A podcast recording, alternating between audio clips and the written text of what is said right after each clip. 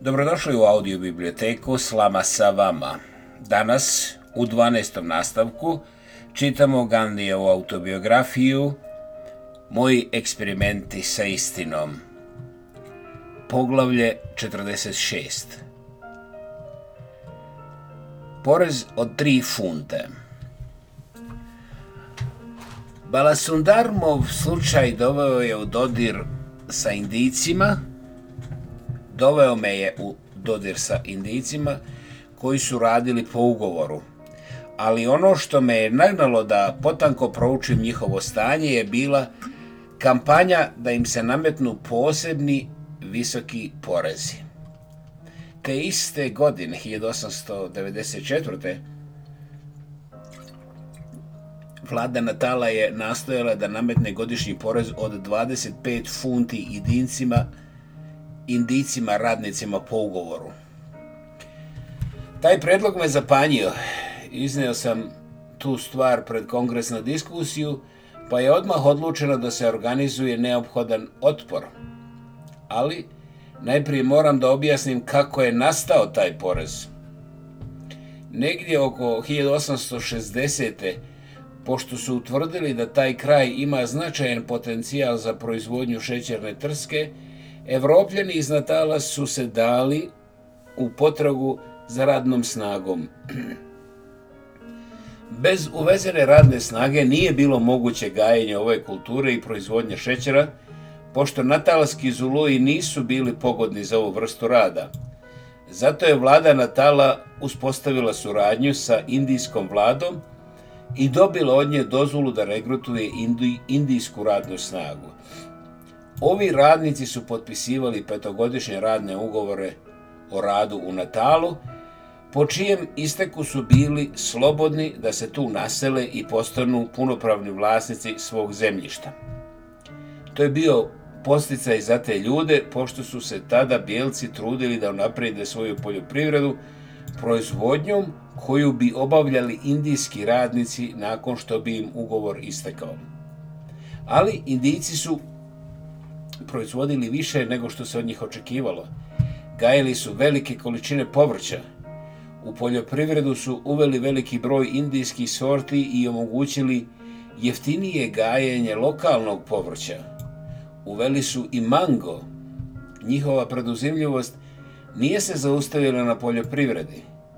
Počeli su da se bave trgovinom. Kupovali su građevinske parcele, pa su se mnogi od radnika uzdigli do zemljoposjednika i kuće vlasnika. Za njima su došli trgovci iz Indije koji su se tu naselili radi trgovine. Pokojni šet Abu Bakar Amod je bio prvi među njima. On je uskoro razvio obiman posao. Oprostite, beli trgovci su se uznemirili. Kada su se isprvo obradovali dolasku indijskih radnika, nisu računali na toliko na to koliko su oni poslovno sposobni. Mogli su da ih tolerišu kao nezavisne poljoprivrednike, ali njihovu konkurenciju kao trgovaca nisu mogli da trpe. To je posijalo sjeme neprijateljstva među prema Indijcima. Mnogi drugi faktori doprinijeli su da ono još poraste. Naš drugačiji način života, naša jednostavnost, naše zadovoljstvo malim dobicima, naša ravnodušnost prema higijenskim pravilima i čistoći, naša ljenost da okolinu držimo čistom i urednom i naša škrtost da ulažemo u popravke kuće, sve to u kombinaciji sa razlikom u vjeri doprinjelo je da se raspiri plamen neprijateljstva. Ta netrpeljivost našla je izraza u zakonodavstvu, u zakonu o uskraćivanju prava glasa i u zakonu kojim je nametnut porez indijskim radnicima po ugovoru. A nezavisno od zakonodavstva, već su počela međusobna bockanja. Prvi predlog je bio da se indijski radnici nasilno repatriraju kako bi njihov ugovor o radu mogao da se okonča u Indiji indijska vlada nije imala namjeru da taj predlog prihvati. Zato je iznijet drugi predlog da se radnik po ugovoru mora vratiti u Indiju po isteku ugovora ili da svake godine mora da potpiše novi radni ugovor, a sa svakim novim potpisivanjem daje dodatnu sumu i da, broj 3, u slučaju da odbije da se vrati u Indiju ili da obnovi ugovor, radnik plaća godišnji porez od 25 funti. Delegacija koju, koju su činili Sir Harris Beans i gospodin Mason otputovala je u Indiju da bi postigla da indijska vlada prihvati taj prijedlog. U to vrijeme vice kralj je bio Lord Eglin. On nije prihvatio porez od 25 funti, ali se složio sa paušalnim porezom od 3 funte. Tada sam smatrao, a smatram i sada, da je to bila ozbiljna greška vice kralja. odobrivši to, on ni na koji način nije mislio o interesima Indije. Nije bila njegova dužnost da čini uslugu Evropljanima iz Natala. Za tri ili četiri godine radnik po ugovoru sa svojom ženom i svakim muškim djetetom preko 16 godina i ženskim preko 13 postao bi podložan ovom propisu opteretiti četvoročlanu porodicu muža, ženu i dvoje djece godišnjim porezom od 12 funti na prosječni prihod muža koji nikako nije prelazio 14 šilinga mjesečno, bilo je svirepo i neviđeno nigdje u svijetu. Organizovali smo žestoku kampanju protiv tog poreza. Da je kongres indijaca Natala čutao po tom pitanju, vice kralj bi možda odobrio i porez od 25 funti, ovo smanjenje sa 25 funti na 3 funte je možda bilo posljedica isključivo agitacije kongresa. Ali možda se i varam. Možda indijska vlada od početka ne bi odobrila porez od 25 funti i smanjila bi ga na 3 funte i nezavisno od protivljenja kongresa. U svakom slučaju posljedica je bilo gubljenje povjerenja u indijsku vladu. Kao neko kome je povjerena dobrobit Indije, vice kralj nikako nije smio da odobri tako nehuman porez. Kongres nije mogao da smatra nekim velikim dostignućem što se uspjelo da se porez smanji sa 25 na 3 funte. I je smo žalili što nismo uspjeli da u potpunosti zaštitimo interese indijaca koji rade po ugovoru. Kongres je uvijek ostao odlučan da se taj porez ukine, ali bi bilo potrebno 20 godina da bi ta rješenost donijela ploda. A kada je to postignuto, bila je to posljedica zalaganja ne samo indijaca iz Natala, već i svih indijaca iz Južne Afrike. Kršenje obećanja pokojnom Gokhaleu postalo je povod za finalnu kampanju u kojoj su indijski radnici po ugovoru uzeli puno učešće, a neki su dali i svoje živote jer je vlast naredila da se puca, a oko deset hiljada ih je zatvoreno. Ipak, istina je na kraju pobjedila. Patnje tih indijaca bile su izraz te istine. Međutim, istina ne bi pobjedila da nije bilo nepokolebljive vjere, velikog strpljenja i neprekidnog napora da je zajednica odustala od borbe, da je kongres prekinuo kampanju i prihvatio taj porez kao neizbježan, indijski radnici bi indijski radnici po ugovoru, po bi i dan danas na večnu sramotu Indijaca u Južnoj Africi kao i cijele Indije plaćali taj porez. Poglavlje 47. Uporedno proučavanje religija. Ako sam se potpuno posvijetio služenju zajednici, razlog koji je stajao u osnovi toga bila je moja želja za samorealizacijom. Učinio sam služenje mojom religijom pošto sam osjećao da se Bog može ostvariti samo pomoću služenja. A služenje je za mene bilo služenje Indiji, jer mi je to došlo i bez mog traženja, jer sam tome bio sklon. Otišao sam u Južnu Afriku da bih putovao, da bi se sklonio od intriga katjavađana i da sebi zaradim za život, ali kao što sam rekao, našao sam se u potrazi za Bogom i u težnji za samorealizacijom. Hrišćanski prijatelji su mi otvorili apetit za znanjem, koji je postao gotovo nezasit, a oni me ne bi ostavili na miru čak i da sam htio da budem ravnodušan. U Durbanu me je otkrio gospodin Spencer Walton, vođa glavne misije Južne Afrike. Gotovo da sam postao član njegove porodice. U pozadini tog poznanstva bili su, naravno, moji kontakti sa hrišćanima u pretoriji. Gospodin Walton je imao potpuno samo samosvojan stil. Ne sjećam se da me ikad pozvao da prigrlim kršćanstvom ali postavio je svoj život kao otvorenu knjigu pred mene i dopustio mi da gledam sve njegove postupke. Gospođa Walton je bila veoma blaga i talentovana žena. Sviđao mi se stav toga para. Mi smo znali kakve su osnovne razlike među nama. Nikakva diskusija ne bi mogla da ih izbriše. Pa ipak se razlike pokazuju kao korisne kad postoji tolerancija, milosrđe i istina. Sviđala mi se poniznost gospodina i gospođe Volton, njihova istrajnost i posvećenost radu, pa smo se susretali veoma često. To prijateljstvo je održavalo moje interesovanje za religiju živim. Sada mi je bilo nemoguće da dođem do slobodnog vremena koje sam imao u pretoriji za moje religiozna proučavanja. Mada, ono malo vremena koje sam mogao da odvojim upotrijebio sam u dobre svrhe. Moja religijezna prepiska se nastavila. Rajčand Baji me je vodio. Jedan prijatelj mi je dao Naram Dušan Karovu knjigu Dharma Vičar. Njegov predgovor mi je zaista pomogao.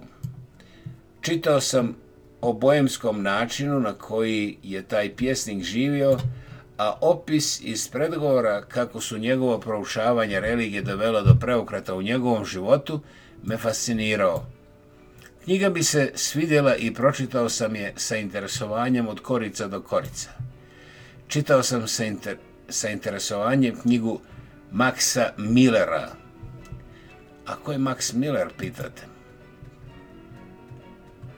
On kaže da je Narmada Škandar, guđeranski učenjak, pisac, pjesnik, govornik, novere i tako dalje, a Friedrich Max Miller je njemački filolog i orientalista jedan od osnivača akademske ideologije i predmeta uporedne religije, komparativne religije.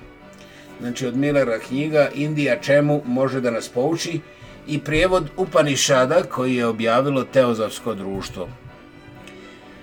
Sve je to povećalo moje poštovanje prema hinduizmu i njegova ljepota je počela da me osvaja. Ali to nije u meni stvorilo predrasude prema ostalim religijama. Čitao sam život Muhameda i njegovih nastavljača od Washingtona Irvinga. Washington Irving 1783. 1859. američki pisac eseja biografija i drugih dijela, prvi Amerikanac čije su se knjige, čije su knjige postale bestselleri izvan Amerike. Znači Washington Irving. Te knjige su povećavale moje poštovanje prema Muhamedu. Pročitao sam i knjigu pod nazivom Zaratrustrine izreke. Tako sam stekao stanje o raznim religijama.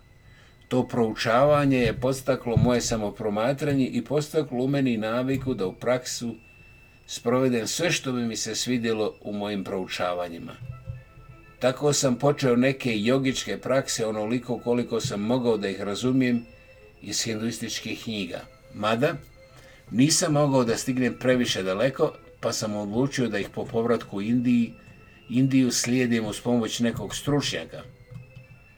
Ta želja se nikad nije ispunila. Izuzetno sam intenzivno proučavao Tolstojeve knjige, Evanđelje ukratko, Šta raditi i druge knjige ostavile su dubok utisak na mene. Sve više i više sam počeo da uviđam mogućnosti univerzalne ljubavi. Otprilike u isto vrijeme sam stupio u kontakt sa još jednom hrišćanskom porodicom – na njihov predlog počeo sam da pohađam Veslijansku crkvu svake nedelje. Za te dane sam također imao njihov otvoreni poziv na večeru. Ta crkva nije ostavila povoljen utisak na mene. Propovjedi su mi izgledale neinspirativne. Pasva mi se nije činilo nešto posebno religioznom. Nije to bio skup posvećenih duša. Prije su izgledali kao svjetovno orijentirani ljudi koji idu u crkvu radi razanode povinujući se običaju. Tu bih povremeno preko volje zadrijemao. Bio sam posramljen, a neki od mojih susjeda koji nisu bili ništa bolji utješili su me. Nisam dugo mogao tako, pa sam uskoro odustao od odlazaka na te službe. Moja veza sa porodicom koju sam posjećivao svake nedelje se iznenada prekinula – u stvari moglo bi se reći da sam bio upozoren da ih više ne posjećujem. Moja domaćica je bila dobra i jednostavna žena, iako donekle uskih pogleda. Uvijek smo razgovarali o religioznim temama. U to vrijeme sam ponovno čitao Svjetlost Azije. Jednom smo počeli da upoređujemo Isusov sa budinim životom. Vidite vi Gotaminu samilost, rekoh ja. Ona nije bila ograničena na čovječanstvo, ona se protezala na sva živa bića. Zar se čovjekovo srce ne ispuni ljubavlju kad pomisli na jagnje koje je radosno stavio na ramena? Takvu ljubav prema svim živim bićima ne primjećujemo u Isusovom životu. To poređenje, poređenje je zaboljelo dobru gospođu. Mogao sam da razumijem njena osjećanja, Prekratio sam razgovor pa smo pošli u trpezariju. Njen sin, dječak od jedva pet godina, herovimskog lica, također je bio sa nama. Najsrećniji sam kada sam među djecom, a taj dečko i ja smo odavno postali prijateljom. Podrugljivo sam govorio o parčetu mesa na njegovom tanjuru, a veoma pohvalno o jabuci na mom. Taj nedužni dječak se zanio i pridružio se mom hvaljenju voćke. A majka? Ona je bila užasnuta. Bio sam upozoren. Obuzdao sam se i promijenili smo temu. Naredne nedelje sam posjetio tu porodicu kao i obično, ali ne bez trijepnje. Nisam shvatio da treba da prestanem da idem tamo, nisam o tome još ispravno razmislio. Međutim, dobra gospođa mi je olakšala dušu, odluku oprostite. Gospodine Gandhi, reče ona, molim vas, ne uzimajte mi za zlo što moram da vam kažem da vi niste dobro društvo za mog dječaka. Svakog dana se usteže da jede meso i traži voće, podsjećajući me na vaše argumente. To je previše. Ako se odrekne mesa, postaće slab, ako ne i bolestan. Kako bih to mogla da podnesem? Od sada bi trebalo da razgovarate samo sa nama odraslima. Vaši razgovori loše djeluju na djecu. Gospođo, odgovorio sam, žao mi je. Mogu da razumijem vaše osjećanje kao majke jer i ja imam djecu. Lako možemo da okončamo ovo neprijatno stanje stvari. Ono što ja jedem ili ne jedem će, će više utjecati na to dijete od onoga što govorim. Najbolje je zato da prestanem da vam dolazim u posjete. Svakako ne bi trebalo to svakako ne bi trebalo da naruši naše prijateljstvo. Hvala vam, reče ona sa očiglednim olakšanjem. Poglavlje 48. Kao domaćin. Osnovati domaćinstvo nije bilo novo iskustvo za mene ali domaćinstvo u Natalu bilo je drugčije od onih koje sam imao u Bombaju i Londonu. Ovoga puta je dio troškova išao na čisti prestiž. Mislio sam da je neophodno da imam domaćinstvo u skladu sa mojim položajem indijskog pravnika u Natalu i sa položajem predstavnika zajednice. Hrana je bila jednostavna, ali pošto sam imao običaj da pozivam engleske prijatelje i indijske saradnike, kućni troškovi su uvijek bili prilično veliki. Dobar sluga je suštinski važan u svakom domaćinstvu, ali nije mi bilo jasno kako da bilo koga držim kao slugu. Jedan prijatelj mi je bio pratilac i pomoćnik, a imao sam i kuvara koji je postao član porodice. Činovnici iz kancelarije su objedovali i stanovali sa mnom. Mislio sam Mislim da sam imao prilično uspjeha u tom eksperimentu, mada ni to nije bilo bez određene doze gorkog životnog iskustva. Taj moj pratilac je bio veoma bistar i mislio sam odan meni. Tu sam se varao. On je postao ljubomoran na jednog činovnika iz kancelarije koji je stanovao sa mnom i isplao takvu mrežu da sam počeo da sumnjam u tog činovnika. Taj činovnik prijatelj je imao samosvojnu narav. Čim je vidio da mi je postao sumnjiv, napustio je i kuću i kancelariju. To me je zabojalo. Osjetio sam da sam možda bio nepravedan prema njemu, pa me je savjest stalno grizla. Umeđu vremenu mom kuvaru je zatrebalo nekoliko dana od sustva ili otišao iz nekog drugog razloga, bilo je neophodno da nađem nekog drugog tokom njegovog odsustva. O tom čovjeku sam kasnije saznao da je potpuni nitkom. Međutim, za mene se pokazao Bogom poslan. Za dva ili tri dana po dolasku on je otkrio određene nepravilnosti koje su se odvijale pod mojim krovom bez moga znanja i odlučio je da me upozori. Bio sam na glasu kao lakovjeran, ali ispravan čovjek. To je otkriće za njega, zato bilo još šokantnije. Svakog dana bih u jedan išao iz kancelarije kući na ručak. Jednog dana oko 12 kuvar je dašćuši došao u kancelariju i rekao Molim vas, dođite kući odmah, ima iznenađenje za vas. Šta je sad, pitao sam.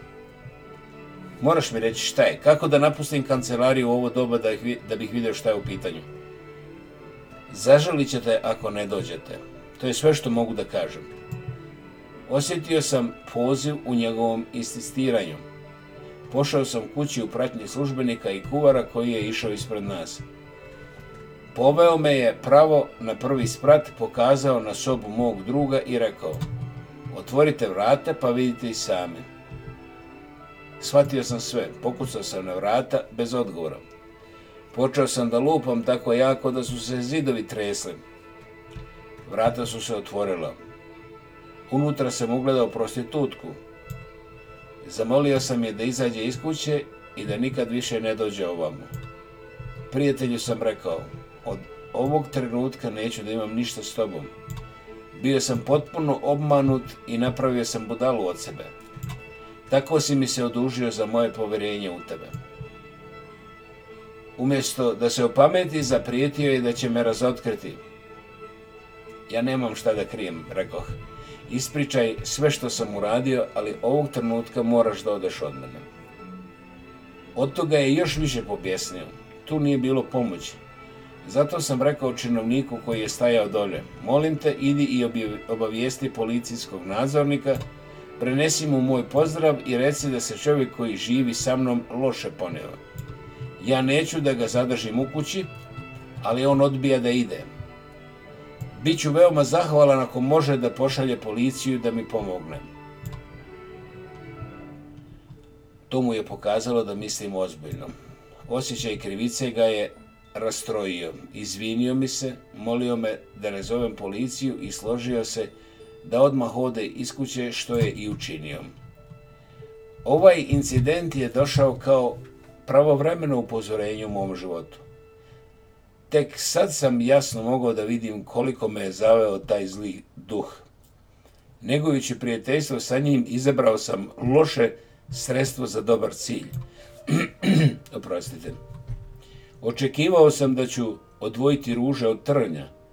Znao sam da je taj drugar loše karaktera, pa ipak sam vjerovao da mi je odan. U pokušaju da ga promijenim, gotovo da sam upropastio sebe. Prenebregao sam upozorenje dobrih prijatelja. Zaluđenost me je potpuno zaslijepila. A da nije bilo novog kuvara, nikad ne bih otkrio istinu i pošto sam bio pod utjecajem tog drugara, vjerovatno ne bih bio u stanju da živim život nezavisnosti kakav sam tada započeo. Uvijek bih tračio vrijeme na njega. On je imao moć da me drži u tami i da me zavodi. Ipak, Bog mi je došao u pomoć kao i ranije. Moje su namjere bile čiste, pa sam tako bio spasen uprkos mojim greškama. A to rano iskustvo me je veoma temeljno upozorilo na budućnost. Taj kuvar je bio, tako reći, glasnik poslan s neba. Nije znao da kuva, pa kao kuvar ne bi mogao da ostane kod mene. Ali niko drugi ne bi mogao da mi otvori oči. To nije bilo prvi put. Kao što sam kasnije shvatio da je žena bila dovođena u moju kuću. Ona je često dolazila i ranije, ali niko nije imao hrabrosti kao taj kuvar. Jer svi su znali koliko sam slijepo vjerovao tom drugaru. Taj kuvar mi je, reklo bi se, bio poslat samo da mi učini tu uslugu, budući da me je zamolio da ode gotovo istog trenutka. Ne mogu da ostanem u tvojoj kući, rekao je. Tebe je tako lako zavesti. Ovo nije mjesto za mene. Pustio sam ga da ide. Sada sam otkrio da onaj ko mi je, je u uši ubacio otrovne stvari, o činovniku kojeg sam pominjao nije niko drugi do drugar koga sam izbacio. Potrudio sam se koliko god sam mogao da ublažim nepravdu koju sam učinio tom činovniku. Ali za vječno je žaljene što nikad nisam mogao da ga potpuno zadovoljim. Koliko god da se trudite da ga popravite, raskid je raskid. Poglavlje 49. Kući. Do sada sam proveo tri godine u Južnoj Africi. Upoznao sam tamošnje ljude i oni su upoznali mene. Godine 1896. zatražio sam dopuštenje da odem kući na šest mjeseci, jer sam shvatio da bi moj boravak u Južnoj Africi mogao da potraje. Tamo sam prilično razradio praksu, a mogao sam da vidim da je narodu bilo potrebno moje prisustvo. Zato sam odlučio da otputujem kući, povedem sa sobom suprugu i djecu, vratim se i nastanem u Južnoj Africi.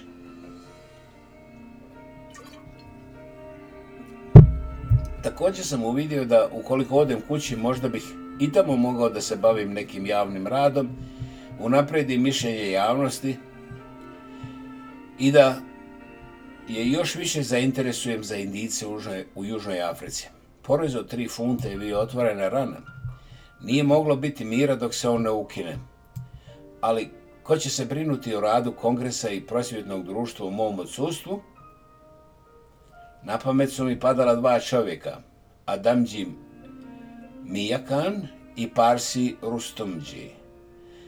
Sada je bilo mnogo javnih radnika iz klase trgovaca, ipak najistaknutiji među njima koji bi mogli da ispune dužnosti sekretara radeći redovno, a koji su također zaslužili poštovanje indijske zajednice, bila su ova dvojica.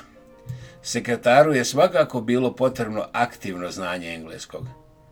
Preporučio sam pokojnog Adamđija Mijaka na kongresu, a kongres je odobrio njegovo naimenovanje za sekretara iskustvo je pokazalo da je to bio veoma srećan izbor.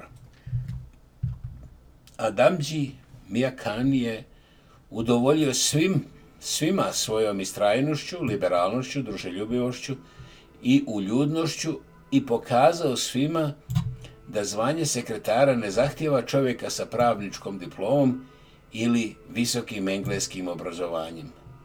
Sredinom 1896. zaplovio sam kući na SS Pongola koji je putovao za Kalkutu. Na brodu je bilo veoma malo putnika. Među njima su bila dva engleska službenika sa kojima sam uspostavio blizak kontakt. Sa jednim od njih sam imao običaj da igram šah sat dnevno. Brodski ljekar mi je dao priručnik za tamilski koji sam počeo da proučavam. Moje iskustvo u Natalu mi je pokazalo da trebam da naučim urdu kako bih se više zbližio sa muslimanima, a i tamilski kako bih postao bliski sa indijcima iz Madrasa. Na zahtjev engleskog prijatelja koji je čitao Urdu sa mnom, našao sam dobrog Urdu munšija među putnicima sa palobe, pa smo izvrsno napredovali u proučavanju. Taj službenik je imao bolje pamćenje nego ja. Kad bi jednom vidio neku riječ, nikad je više ne bi zaboravio. Meni je često bilo teško da odgonetnem urdu slova. Ja sam imao više upornosti, ali nikako nisam mogao da preteknem tog službenika. Sa tamilskim sam prilično uzapredovao. Nije bilo pomoći sa strane, ali je priručnik za tamilski bio dobro napisana knjiga, pa nisam osjećao da mi je potrebna neka spoljašnja pomoć. Nadao sam se da ću nastaviti ta proučavanja kad stignem u Indiju, ali to nije bilo moguće. Većinu stvari koje sam čitao od 1893. čitao sam u zatvoru. Jesam donekle napredovao sa tamilskim i urdu u zatvorima, sa tamilskim u južnoafričkim zatvorima, a sa urduom u zatvoru Jeravada. Ali nikad nisam naučio da govorim tamilski, a ono malo znanje što sam stekao čitanjem sada – čitanjem sada rđa usled nedostatka prakse. Još uvijek osjećam koliko je veliki nedostatak bilo to neznanje tamilskog ili telugua. Ljubavi kojom su me obasuli dravidi u Južnoj Africi se uvijek sjećam. Kad god vidim tamilskog ili telugu prijatelja ne mogu, a da se ne prisjetim vjere, strajnosti i nesebičnog žrtvovanja mnogih njihovih suradnika u Južnoj Africi. A oni su uglavnom bili nepismeni i to i muškarci isto koliko i žene. U Južnoj Africi smo se borili upravo za takve, a i borbu su vodili nepismeni borci. Ta borba je bila za siromašne, a siromašni su se u potpunosti uključili u nju. Ipak to što nisam znao njihov jezik nije mi uopšte smetalo da osvojim srca tih jednostavnih i dobrih sunarodnika. Oni su govorili loš hindi ili loš engleski, pa nam nije bilo teško da nastavimo sa našim radom. Ali ja sam želio da im uzvratim ljubav tako što ću naučiti tamilski ili telugu. U tamilsko sam, tamilskom sam, kao što sam rekao, donekle napredovo, ali u telugu koji sam pokušao da naučim u Indiji, nisam stigao dalje od alfabeta. Sada se plašim da nikad neću moći da naučim te jezike, pa se zato nadam da će Dravidi naučiti Hindi. Oni među njima u Južnoj Africi koji nisu govorili engleski zaista su i govorili Hindi ili Hindustani, makoliko to bilo osrednje. Jedino ga nisu naučili oni koji su vladali engleskim, kao da je znanje engleskog prepreka da naučimo naše sobstvene jezike. Ali udaljio sam se od teme. Završću priču o mom putovanju.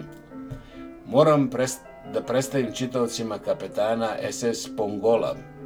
Sprijateljili smo se. Dobar kapetan pripada je plimutskoj braći. Razgovarali smo više o vjerskim nego o pomorskim temama. On je postavio granicu između moralnosti i vjere. Učenje Biblije za njega bilo dječje igre. Njegova ljepota po njemu leži u njegovoj jednostavnosti.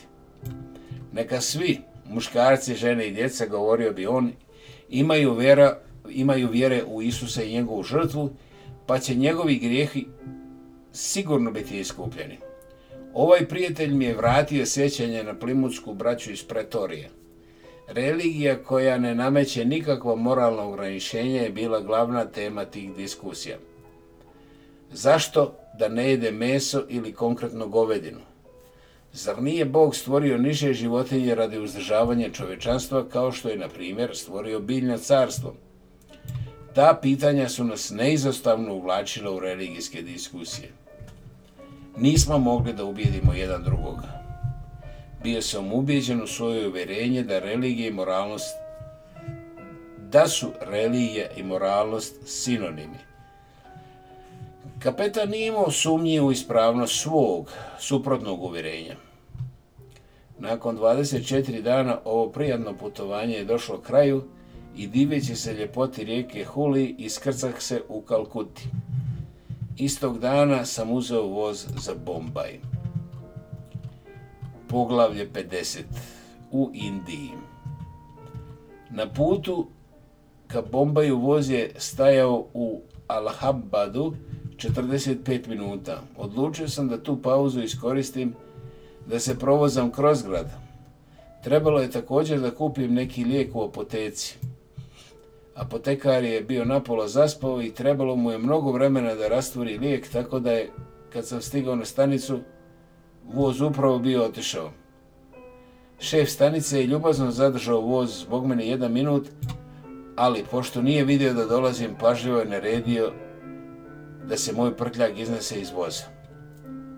Uzeo sam sobu kod kelnera i odlučio da počnem da radim odmah na tom mjestu. Dosta sam čuo o pioniru koji se izdavao u Allahabadu, a koliko sam razumio, on je bio protivnik indijskih aspiracija. Čini mi se da je u to vrijeme njegov urednik bio Česni junior – Htio sam da obezbijedim pomoć sa svih strana, pa sam napisao pismo gospodinu Česniju ispričavši mu kako sam propustio voz i zamolio ga za sastanak u neko vrijeme koje bi mi omogućilo da nastavim put sljedećeg dana. On me odmah pozvao, pa sam bio veoma srećan, pogotovo što me pažljivo slušao. Obećao je da će pomenuti u svojim novinama sve što bih mogao da napišem, ali je dodao da ne može da obeća da će sa odobravanjem propratiti sve indijske zahtjeve u onoj mjeri u kojoj je bio obavezan da razumije i prida odgovarajuću tešinu pogledima kolonijalaca. Dovoljno je, rekao ja, ako proučite pitanje i prodiskutujete o njemu u vašim novinama. Tražim i ne želim ništa više nego najelementarniju pravdu koja nam se dugujem. Ostatak dana sam proveo razvedajuću okolinu i diveći se ušću triju rijeka Triveni i planirajući posao koji me čeka. Taj neočekivani razgovor sa urednikom pionira postavio je osnov za niz događaja koji će na kraju dovesti do toga da budem linčovan u Natalu. Otputovao sam direktno u Rađkot bez zaustavljanja u Bombaju i počeo da se pripremam za pisanje pamfleta o stanju u Južnoj Africi. Pisanje i objavljivanje toga pamfleta trajali su oko mjesec dana. Imao je zelene korice i kasnije je postao poznat pod nazivom Zeleni pamflet. U njemu sam skicirao namjerno ublaženu sliku stanja u Indijaca u Južnoj Africi. Način izražavanja koji sam u njemu koristio bio je umjereniji nego u dva pamfleta koja sam pomenuo ranije, zato što sam znao da stvari o kojima se čuje izdaleka izgledaju krupnije nego što jesu. Štampan je u 10.000 primjeraka koji su podijeljeni svim novinama i vođama svih indijskih partija. Pionir je bio prvi koji je dao urednički osvrt na njega. Sažetak toga članka je telegramom poslat u londonsko uredništvo Reutersa, a ono je sažetak toga sažetka poslalo telegramom u Natalu. Taj telegram nije bio duži od tri na reda. Bilo je to minijaturno, ali pretjerano preoblikovanje slike koju sam dao o tretmanu indijaca iz Natala i nije bilo napisano moje riječima. Kasnije ćemo vidjeti kakav je to efekt imalo u Natalu. U vremenu su sve ugledne novine nadugočko nadugačko prokomentirale ovo pitanje. Priprema tih pamfleta za slanje poštom nije bila nimalo lagan posao. Bila bi i skupa da sam nekoga plaćao da pakuje koverte i slično. Umjesto toga imao sam znatno jednostavniji plan. Okupio sam svu djecu iz mog susjedstva i zamolio ih da pomognu na dva ili tri sata i ujutro kad nije bilo nastave. Rado su na to pristali. Obećao sam da ću ih blagosloviti i dati im iskorištene poštanske marke iz moje zbirke. Posao su obavili začas. To je bio moj prvi eksperiment da angažujem djecu kao volontere. Danas su dvojica od tih malih prijatelja moji saradnici. Otprilike u to vrijeme u Bombaju je izbila epidemija kuge, pa je panika vladala svuda u Postojale, postojao je strah da će ta epidemija izbiti i u Rađkotu. Pošto sam obećao da mogu da budem od pomoći u zdravstvu, ponudio sam moju službu države. Ona je prihvaćena i bio sam naimenovan u komitet koji je trebalo da ispita to pitanje. Poseban naglasak sam stavio na čistoću toaleta, pa je komitet odlučio da ispita toalete u svakoj ulici. Siromašni nisu imali ništa protiv da se njihovi toaleti pregledaju, šta više oni su sproveli poboljšanja koja su im predložena. Ali kad smo pošli da ispitamo kuće viših klasa, neki od njih su nam čak uskratili pristup, a da i ne govorimo da nisu htjeli da slušaju naše prijedloge. Obično obično bismo uvidjeli da su toaleti bogatih prljaviji. Bili su mrašni, i smrdili su i vrvili od prljavštine i crva. Promjene koje smo predlagali bile su sasvim jednostavno. Na primjer, da se za izmet koriste kofe umjesto da mu se dopušta da pada na tlo, da se urin da se urin također skuplja u kofe umjesto da mu se dopusti da natapa zemlju da se sklone pregrade između spoljašnjih zidova kako bi smetljari mogli da ih propisno očiste. Više klase su iznijele brojne primjedbe na ovo posljednje poboljšanje i u najvećem broju slučajeva nisu ga obavile. Komitet je morao da pregleda i kvartove nedodirljivih. Samo je jedan član komiteta bio spreman da me prati tamo. Za ostale je posjeta tim kvartovima bilo nešto, bilo nešto besmisleno. Još besmislenije im je bilo da pregledavaju njihove klozete. Ali za mene su ti kvartovi bili prijatno iznenađenje. To mi je bila prva posjeta jednom takvom mjestu u životu. Tamošnji muškarci i žene su bili iznenađeni što nas vide. Zamolio sam ih da nam dopuste da pregledamo njihove klozete. Klozeti za nas, uzviknuli su začuđeno. Izlazimo i obavljamo te potrebe na polju. Klozeti su za vas, velike ljude. Pa onda neće vam smetati da pregledamo vaše kuće, upitao sam. Potpuno ste dobrodošli, gospodine. Možete da pregledate svaki ćošak naših kuća. To i nisu kuće, to su rupe. Ušao sam i bio oduševljen što sam vidio da je unutra čisto kao i na polju. Ulazi su bili dobro pometeni, podovi lijepo premazani kravljom balegom, a malobrojni lonci i tiganje čisti i sjajni. Nije se trebalo plašiti epidemiju u tim kvartovima. U kućama viših klasa nailazili smo na klozete koje ne mogu da odolim, a da ne opišem bar ukratko. Svaka je soba imala svoj žlijep koji je korišten za vodu i za urin, što je značilo da je cijela kuća zaudarala. Ali jedna od tih kuća imala je spavaću sobu na spratu sa žlijebom koji je korišćen i za urin i za fekalije. Kanal je imao cijev koja se spuštala u prizemlje. Nije se mogao podnijeti smrad u toj sobi. Kako su vlasnici mogli tu da spavaju, ostavljam čitaocima da zamisle.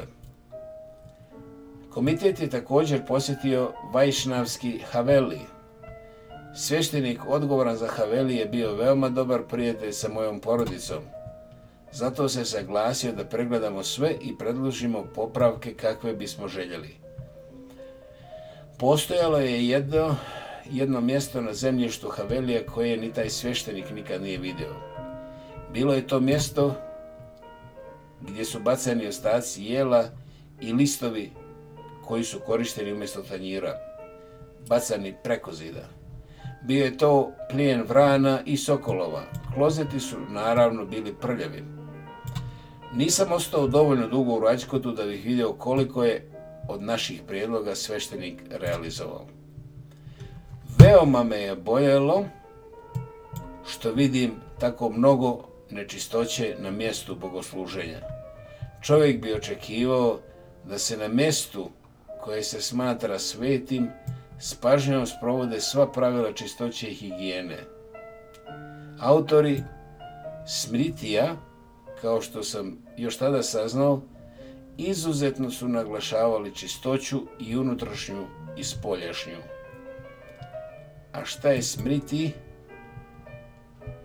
Sjećanje. Tradicionalni tekstovi sačuvani pamćenjem ili uspenom, usmenom predajom razlikuju se od veda koji su, koje su rši dre, drevni mudraci čuli, šruti.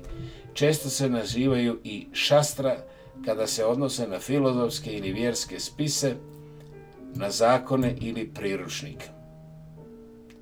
Dakle, autori Smritija, kao što sam još tada znao, izuzetno su naglašavali čistoću i unutrašnju i spoljašnju.